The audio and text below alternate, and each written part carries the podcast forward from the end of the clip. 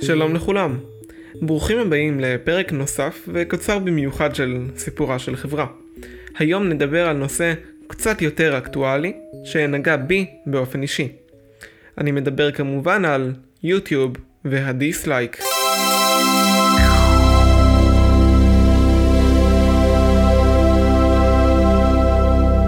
אז יוטיוב, יוטיוב, יוטיוב.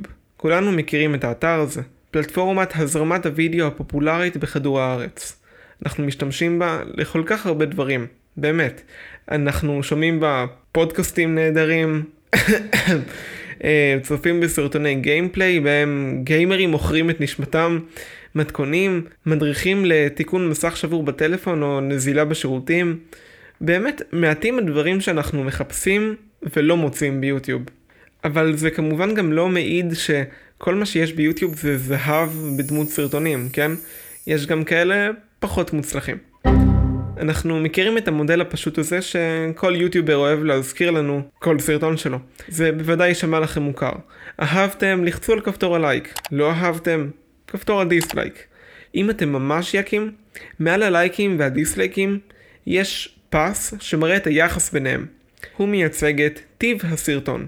ובתכלס, מעיד אם הסרטון שאתם עומדים לצפות בו שווה את הזמן היקר שלכם. ממש לא מזמן בנובמבר, כן יש לי הצתה מאוחרת, החברה בבעלות גוגל הודיעה כי היא הופכת את ספירת הדיסלייקים בכל סרטון לפרטית.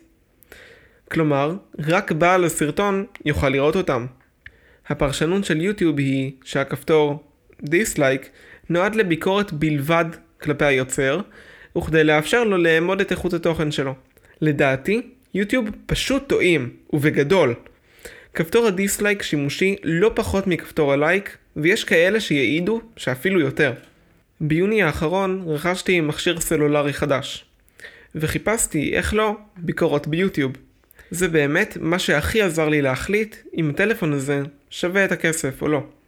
והוא היה שווה. ומה שהכי עזר לי להחליט אם הטלפון הזה איכותי או לא, זה הביקורת.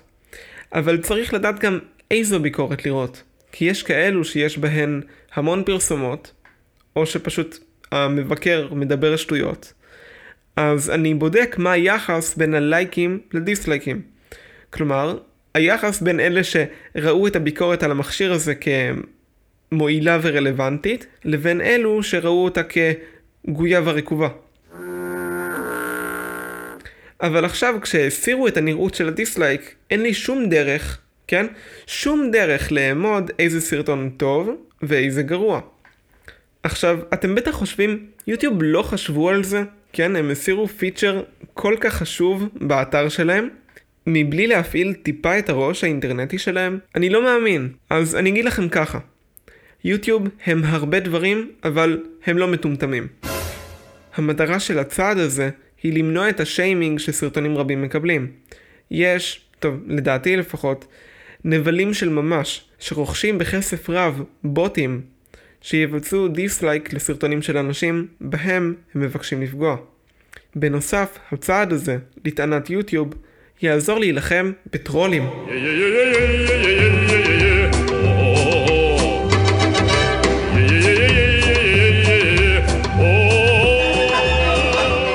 הם מאוד מאוד מתלהבים ונהנים לראות את ארמון החול המפואר שהם בונים לסרטונים בצורת דיסלייקים. אבל יוטיוב פשוט לא חשבו על זה עד הסוף. האם הצעד הזה למלחמה בבוטים ובשיימינג באמת תעזור? באמת, אני מניח בביטחון שהם שכרו פסיכולוגים והם מומחים להתנהגות אינטרנטית, בהצלחה עם זה, אבל לא יכלו לצפות לדרכים של משתמשים לעקוף את המגבלה. לדוגמה, תופעה ששמתי לב אליה, בהמון סרטונים פופולריים מופיעות תגובות שאומרות use me as a dislike button ואז אנשים מסמנים על התגובות האלה לייק like, כדי למחות לא אהבתי על סרטונים. כלומר הדרך חדשה של המשתמשים לסמן דיסלייק. עכשיו כשהדיסלייק הוסר לכאורה שיימינג נעלם מיוטיוב אבל מה קורה באמת? הוא יורד מהכפתור הגדול הזה של אה, אגודה למטה לתגובות. כן? הוא פשוט עובר מקום. זה לא פותר את הבעיה, זה שם אותה מתחת לשטיח. אבל עדיין יש חתיכת בליטה שם.